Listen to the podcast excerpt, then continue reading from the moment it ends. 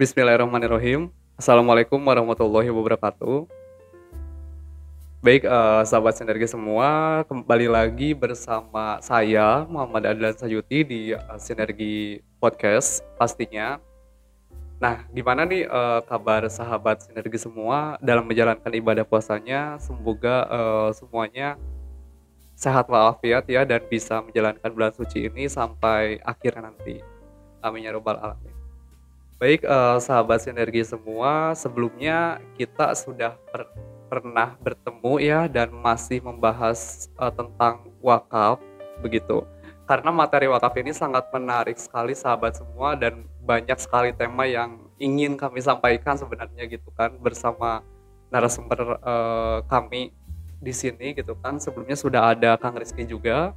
Ya, apa kabar Kang Rizky? Alhamdulillah. Alhamdulillah baik baik. Ya, sahabat sinergi semua sebelumnya kita uh, sudah membahas mengenai wakaf ya wakaf di zaman uh, kolonial Belanda itu seperti apa. Mungkin untuk sahabat semua yang belum uh, sempat mendengarkan atau menyaksikan bisa juga langsung uh, mundur dulu gitu kan sebelum video ini uh, nanti di di up pastinya gitu kan biar tahu gitu uh, gimana sih wakaf kolonial pada zaman dulu mungkin uh, untuk kali ini masih membahas tentang wakaf ya sahabat uh, kebetulan dari Kang Rizky sendiri uh, ada satu tema yang menarik juga yang pastinya bakal dibahas pada kesempatan kali ini yaitu mengenai peran wakaf untuk kemerdekaan Indonesia.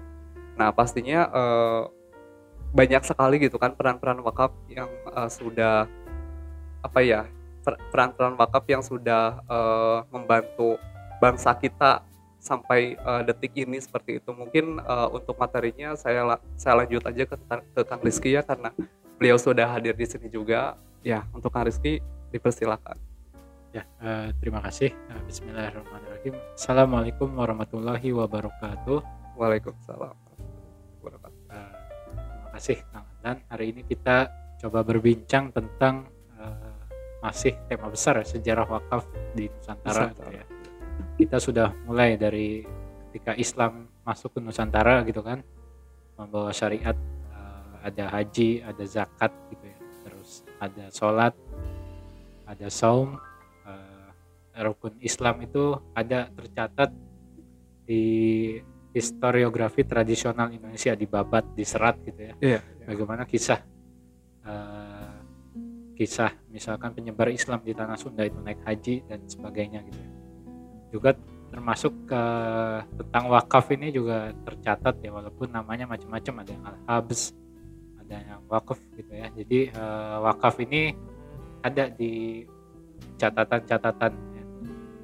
Seperti uh, tentang raja-raja uh, kesultanan di Melayu gitu kan Tajus uh, Tajus Salatin terus taman para sultan yang Bustanu Salatin dan sebagainya gitu ya. Jadi uh, cukup panjang sejarahnya gitu ya. Lalu sampai sekarang beberapa tanah wakaf ya dari sultan uh, dari abad ke-15 itu masih ada. Masih ada. Ya, masjid-masjid uh, terus uh, Demak itu di Semarang, daerah Semarang itu di dalam bukunya melacak banyak masjid yang hilang. Itu kan cukup banyak ya berapa 10 hektar itu sawah sawah-sawah itu nazirnya itu apa uh, takmir Masjid Agung Demak ya, yang didirikan uh, dulu oleh salah satu Sultan Demak gitu ya wakafnya itu. Terus di zaman ketika Belanda masuk dia berusaha untuk apa mengintervensi ya dengan kebijakan tapi umat Islam pun uh, melawan gitu ya sampai kebijakan itu dicabut wakaf itu nggak nggak harus izin jadi uh, wakaf ini ratusan tahun di Indonesia seiring dengan Islamnya datang ke Indonesia, ke Indonesia. Gitu ya. Dan sampailah kita ke gerbang kemerdekaan gitu ya di Undang-Undang Dasar negara kita uh, tahun 1945. Jadi uh, ketika kita mau merdeka gitu ya, di situ juga wakaf hadir. Kan? Jadi wakaf hadir ketika Islam masuk, ketika melawan penjajahan Belanda gitu ya, dan ketika masa krisis gitu ya baik sebelum kemerdekaan atau dalam mempertahankan kemerdekaan itu ada peran wakaf gitu ya. Baik di masa sebelum 1945 gitu ya. sampai 45 sampai 50 sampai penyerahan kedaulatan uh, Indonesia di RIS itu ada peran wakaf di sana gitu ya uh, seperti itu dan ini kita membahas wakaf ya. Mungkin nanti bisa sesi lain membahas sejarah zakat gitu. Itu juga menarik gitu ya. Zakat yeah. catatannya lebih banyak uh, di naskah-naskah kita gitu ya. Karena zakat itu wajib gitu ya. Jadi uh, itu tercatat uh, seperti itu. Nah uh, bagaimana peran wakaf sih di era kemerdekaan gitu ya. Ini kaitannya nanti kita ada satu tema khusus tentang uh, modernisasi wakaf gitu ya. Di next podcast gitu ya.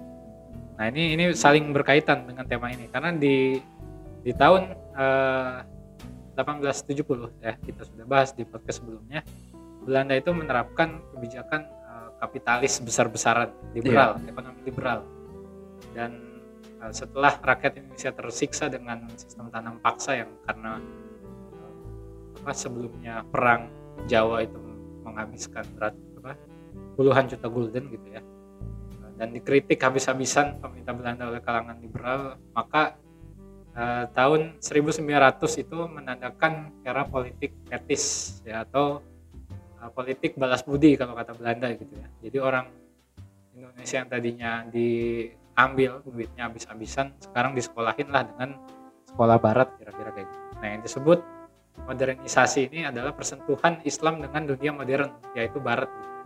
Di mana nanti wakaf itu tidak seperti sebelumnya yang hanya diserahkan kita tahu wakaf ya lewat ikrar omongan gitu ya. Tapi dikelola oleh yayasan-yayasan nanti itu gitu ya, secara modern. Kenapa? Karena di awal abad ke-20 itu perlawanan terhadap Belanda itu pun dilakukan oleh organisasi-organisasi nanti ya. bukan lagi perlawanan fisik uh, bersenjata seperti dulu gitu. Karena hmm, yeah. sebagian besar wilayah tadi sudah uh, ditaklukkan oleh Belanda. Ada beberapa wilayah yang belum ya seperti Aceh. Aceh itu salah satu wilayah yang paling susah di, dikalahkan oleh Belanda gitu. Nah uh, jadi per, perjuangannya itu melalui uh, organisasi yaitu apa aja?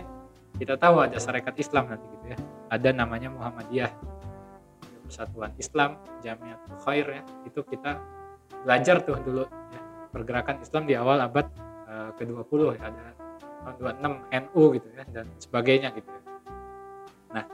Melalui lembaga-lembaga inilah nanti wakaf itu berperan kira-kira seperti itu gitu ya gambarannya. Nah, uh, wakaf yang pertama kali lembaga ini bukan pertama ya, yang awal-awal tercatat gitu ya.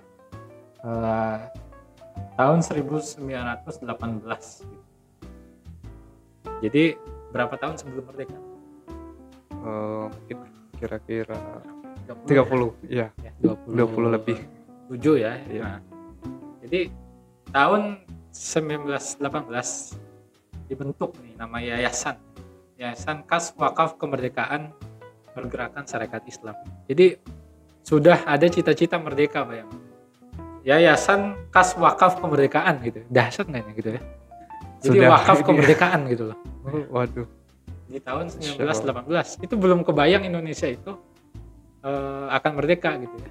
Nanti di tahun 30 tahun kemudian kan gitu kan? iya, iya. Uh, karena apa? Karena di tahun segitu orang Belanda kalau ditanya di bukunya Priyoto Punto itu uh, Bandung Tempo dulu orang Belanda itu menganggap di tahun 19 18-an itu gitu ya dia akan tinggal selama-lamanya di sini gitu. Makanya orang Belanda itu kan pasca uh, kebijakan ekonomi liberal itu datang ke Indonesia besar-besaran. Dibentuklah kota Malang kota Bandung gitu ya untuk tempat tinggal orang-orang Belanda itu khusus gitu ya. Kota Bogor dan sebagainya gitu ya dikembangkan gitu. Jadi orang Belanda menganggap kita akan menjadi jajahan selama-lamanya. Orang Indonesia dengan wakafnya sudah bikin yayasan kas wakaf kemerdekaan gitu. Ya jadi ini kebayang. Sudah bersiap-siap ya. Yang sebelum. yang diinisiasi eh, uh, oleh Sarekat Islam. Iya. nah tujuannya apa? Ditulis tujuannya nih keren ya. Uh, ini di bukunya tadi ya disertasinya Prof. Amelia Fauzia Filantropi Islam Sejarah dan Konsentrasi Masyarakat Sipil dan Negara di Indonesia. Nah, eh, tujuannya adalah Pertama, membantu korban perang dan keluarga mereka yang berjuang untuk gerakan kemerdekaan Indonesia itu ditulis. Waduh. Jadi kemerdekaan Indonesia itu udah tahun 18 mereka dengan wakaf itu untuk untuk memperjuangkan kemerdekaan Indonesia gitu. ya, iya. jadi luar biasa ya wakaf ini seperti itu gitu ya iya betul yang kedua untuk mendukung upaya kemerdekaan Indonesia tanpa pembatasan agama atau kebangsaan gitu ya. Jadi eh, lembaga wakaf ini sebetulnya adalah yayasan modern gitu ya. Eh, Nah ini menarik nih, ini kaitannya na- nanti sama wakaf produktif gitu ya. Wakafnya gimana sih gitu ya? Jadi wakafnya itu dia memiliki bisnis namanya surat kabar sinar Hindia. oh iya iya Ya. ya Nah, jadi punya koran. Kalau sekarang punya TikTok gitu ya. Ada endorse. Hasil endorse-nya itu yang digunakan untuk dua tujuan tadi. Kemerdekaan Kemerdekaan. Indonesia yaitu hasil keuntungan unit bisnis syarikat Islam tadi gitu. Digunakan untuk tadi mendukung pertama korban perang, kedua eh, jihad meraih kemerdekaan kira-kira seperti itu. Itu di tahun eh, 1918 ya. Eh, menarik gitu ya iya jadi sudah ada gitu. Nanti ketika Jepang itu menjajah Indonesia masuk ya di tahun 40-an itu eh, umat Islam itu tadi ya yang modern ini bergabung dalam federasi eh, Majelis Islam Malaya Indonesia MIAI namanya di zaman eh, Belanda tahun 1937 nanti zaman Jepang berubah jadi Masyumi eh, Majelis Syuro Muslimin Indonesia. Nah, Masyumi ini juga mengu- mendirikan namanya Baitul Mal gitu ya sebelum merdeka nih gitu ya. Eh, Baitul Mal ini didirikan untuk menampung eh, dana masyarakat baik zakat, infak, sedekah, wakaf untuk kemerdekaan Indonesia itu ya salah satunya gitu. Itu. Jadi eh, itu eh, wakaf bermain ya, untuk eh, kemerdekaan, Kemerdekaan. Indonesia gitu ya. Lalu kita lihat lagi nih eh, para pendiri bangsa ya seperti misalkan Muhammad Hatta iya. wakil presiden kita terus Tan Malaka ya. Nah, terus Muhammad Yamin itu mendirikan eh, namanya adalah Yayasan Wakaf Republik tuh. Waduh. Berarti itu sebelum merdeka juga ya? Iya. Aduh. Eh kalau Wakaf Republik itu setelah ah, merdeka setelah ya. ya? Oh, tahun baik. 48 jadi- 48. eh, tahun 40 tahun 45 itu merdeka gitu ya. Nanti sebetulnya ada nanti mereka mendirikan eh, sekolah tinggi Islam. ya. Para tokoh bangsa ini mendirikan universitas iya. pertama Islam di Indonesia Iya, UI namanya sekarang. Itu pun wakaf tapi akan kita bahas nanti ya di tema eh, modernisasi wakaf. Iya. Nah, di tahun 45 itu merdeka tadi ya, sebelumnya ada Masyumi itu punya Baitul eh, Mal tadi Baitul ya. Mal gitu Iya. ya. Dan gunanya eh, tadi ya menyalurkan eh, untuk perjuangan. Lalu sebelumnya lebih lama lagi Syarikat Islam tadi ya. Muhammadiyah juga sama gitu ya. Eh, dia punya eh, wakaf gitu ya. Dan itu juga or- organisasi ini untuk kemerdekaan gitu ya. Nah, setelah merdeka itu Indonesia itu ada agresi militer pertama kedua gitu ya. Tahun 47 pertama, 48 kedua. Dan para pendiri bangsa pun untuk membiayai perang gitu ya. Perang itu melawan Belanda gitu ya. Mempertahankan kemerdekaan gitu ya konteksnya gitu ya. Eh, dia mendirikan Yayasan Wakaf Republik gitu.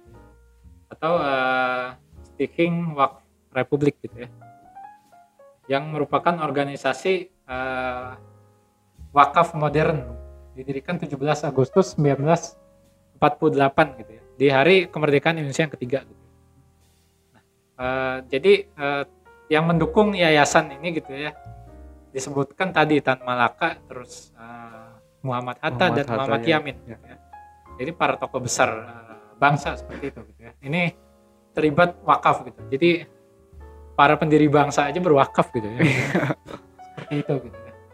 Eh, itu tentang yayasannya. Nah, yayasannya ini menarik gitu ya karena dia eh, adalah mencari keuntungan sama polanya itu wakaf produktif. Jadi mereka menerbitkan buku-buku, salah satunya buku-buku tokoh gitu ya, Iya. yang hasil keuntungannya untuk eh, membiayai perjuangan Perjuangan. melawan Belanda, Belanda.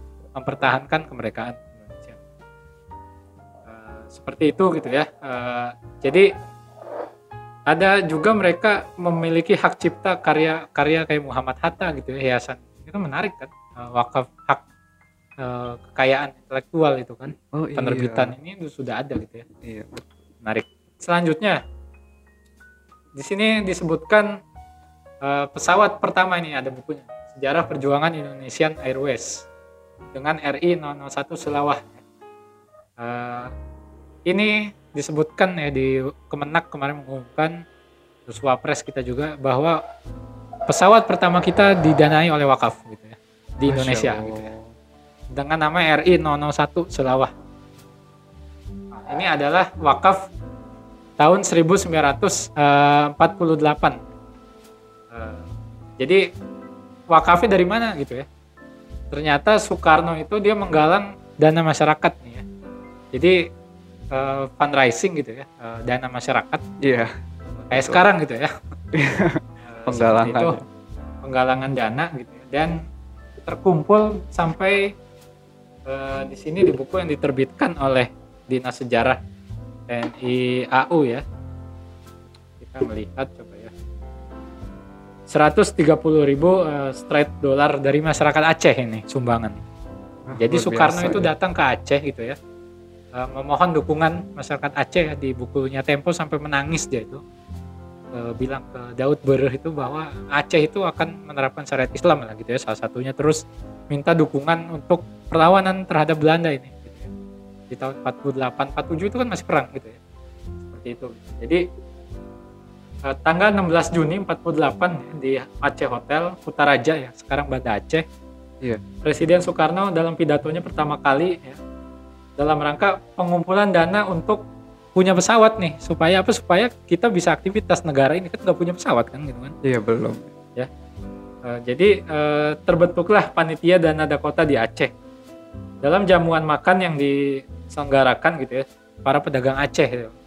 Jadi orang Aceh ini kaya kaya termasuk Habib Bugak itu kan Iya ya, iya kan. sebelumnya. itu itu kaya banget gitu ya. Jadi dua hari itu panitia gitu ya, fundraising gitu ya. Nah, Soekarno mengumpulkan 130 ribu stretch dollar ya, dari masyarakat Aceh gitu. Ini masya Allah. Itu zaman dulu ya 100 sekarang jadi berapa itu? Dahsyat Luar ini, biasa, ya. iya. Eh, seperti itu. eh, jadi eh, ini sangat menarik gitu ya. Setelah itu tahun saya tanggal 1 Agustus Agustusnya ya eh, saudara Junet Yusuf dan beberapa orang lainnya menyusul ke Singapura dan membawa uang 20 kg emas hasil pengumpulan dana Dakota gitu ya, untuk dibelikan eh, pesawat RI 001 Selawah pada akhir Oktober 19, eh, 1948. Nah inilah Selawah ini yang dipakai untuk perjuangan kita mengantarkan para delegasi kita untuk mempertahankan kemerdekaan sampai pesawat ini digunakan eh, Indonesian Airways pertama atau sekarang kita kenal namanya Garuda Indonesia. Garuda Indonesia. Kapal pertamanya wakaf gitu. Wah, luar biasa. Masya Allah. Itulah Waduh. eh, sebagian eh, terkait eh, peran wakaf gitu ya untuk kemerdekaan Indonesia dan langsung eh, Soekarno sendiri tadi yang terlibat ya Iya. Muhammad Hatta, Muhammad Yamin, tokoh-tokoh Masyumi ya, Kiai Haji Hasim As'ari, Kiai Haji Wahid Hasim, Ki Bagus Hadi Kusumo dari Muhammadiyah, lalu ada eh, cukup banyak ya Muhammad Nasir pun di Masyumi, lalu dari Persatuan Islam juga di Masyumi gitu ya. Jadi tokoh-tokoh bangsa kita semua itu eh, berjuang gitu ya dan salah satu unsur gitu ya eh, perjuangan itu adalah wakaf. Gitu. Jadi wakaf itu telah membiayai para pendiri bangsa kita untuk meraih dan mempertahankan Kemerdekaan. kemerdekaan Indonesia. Maka kita bersyukur sekali sekarang gitu ya bisa merdeka, bisa podcastan, bisa bebas, bisa pergi dari bandara satu ke bandara lain di mana sekarang misalkan ada negara yang belum merdeka, misalkan Palestina itu tidak punya kebebasan bandara Bebas. sebagainya dan kita bersyukur gitu ya. uh, mensyukuri nikmat kemerdekaan setiap tanggal 17 Agustus dan di sanalah ada peran wakaf. Mungkin itu uh, untuk pertemuan kali ini. Terima kasih. Assalamualaikum warahmatullahi wabarakatuh. Waalaikumsalam warahmatullahi wabarakatuh. Ya, baik eh, sahabat sinergi semua luar biasa sekali ya eh, materi seperti itu yang disampaikan oleh Kang Rizky ini terkait dengan bagaimana sih peran wakaf itu dalam membantu gitu kemerdekaan Indonesia eh, pada saat pada pada saat zaman dulu. Eh, seperti yang tadi dijelaskan juga mungkin ada beberapa poin juga yang saya petik seperti itu ya yang eh, Kang Rizky eh, jelaskan sebelumnya. Yang pertama itu eh, wak- jadi dari awal ke dari awal abad ke-20 itu wakaf itu sudah apa ya sudah membantu gitu kan sudah membantu eh, dalam pembiayaan di Indonesia seperti itu. Nah, selain itu juga uh, terdap tadi juga uh, sempat dijelaskan juga oleh Kariski ada beberapa pahlawan juga pahlawan besar yang bahkan uh, turun la turun langsung gitu dalam uh, menangani uh, persoalan wakaf ini di Indonesia gitu kan termasuk uh, presiden pertama kita yang tadi uh, sebelumnya disebutkan Insinyur Soekarno sendiri mengadakan penggalangan dana dan langsung uh, pergi gitu di uh, Serambi Aceh untuk uh, apa ya untuk meng meng untuk mengadakan penggalangan dana ini. Ya mungkin uh, sahabat sinergi semua uh, pastinya di sinergi podcast kali ini sangat sekali uh, banyak ilmu yang bisa uh, kita ambil ya terutama uh, wakaf gitu kan. Peranan wakaf ini sangat sekali penting. Sebelum bahkan sesudah kemerdekaan itu masih apa ya masih menggema gitu kan tentang uh, wakaf ini. Seperti itu sahabat sinergi. Ya mungkin untuk pertemuan kali ini mengenai uh, wakaf uh, saya kira dicukupkan uh, dulu saja ya sahabat sinergi. Untuk ke depannya masih banyak materi materi-materi yang uh, apa ya yang menarik yang bakal kita uh, bahas di sinergi podcast ini. Uh, sebelumnya uh, terima kasih juga untuk sahabat sinergi semua yang sudah menyaksikan uh, sinergi podcast pada kesempatan kali ini. Dan selalu semangat uh, dalam menjalankan uh, ibadah puasanya ibadah uh, di bulan suci Ramadan ini sampai akhir nanti. Baik uh, saya dengan pemadalan sayuti mungkin ditutup dengan membaca hamdalah alhamdulillahirabbil alamin. Dan uh, saya tutup podcast sinergi kali ini. Assalamualaikum warahmatullahi wabarakatuh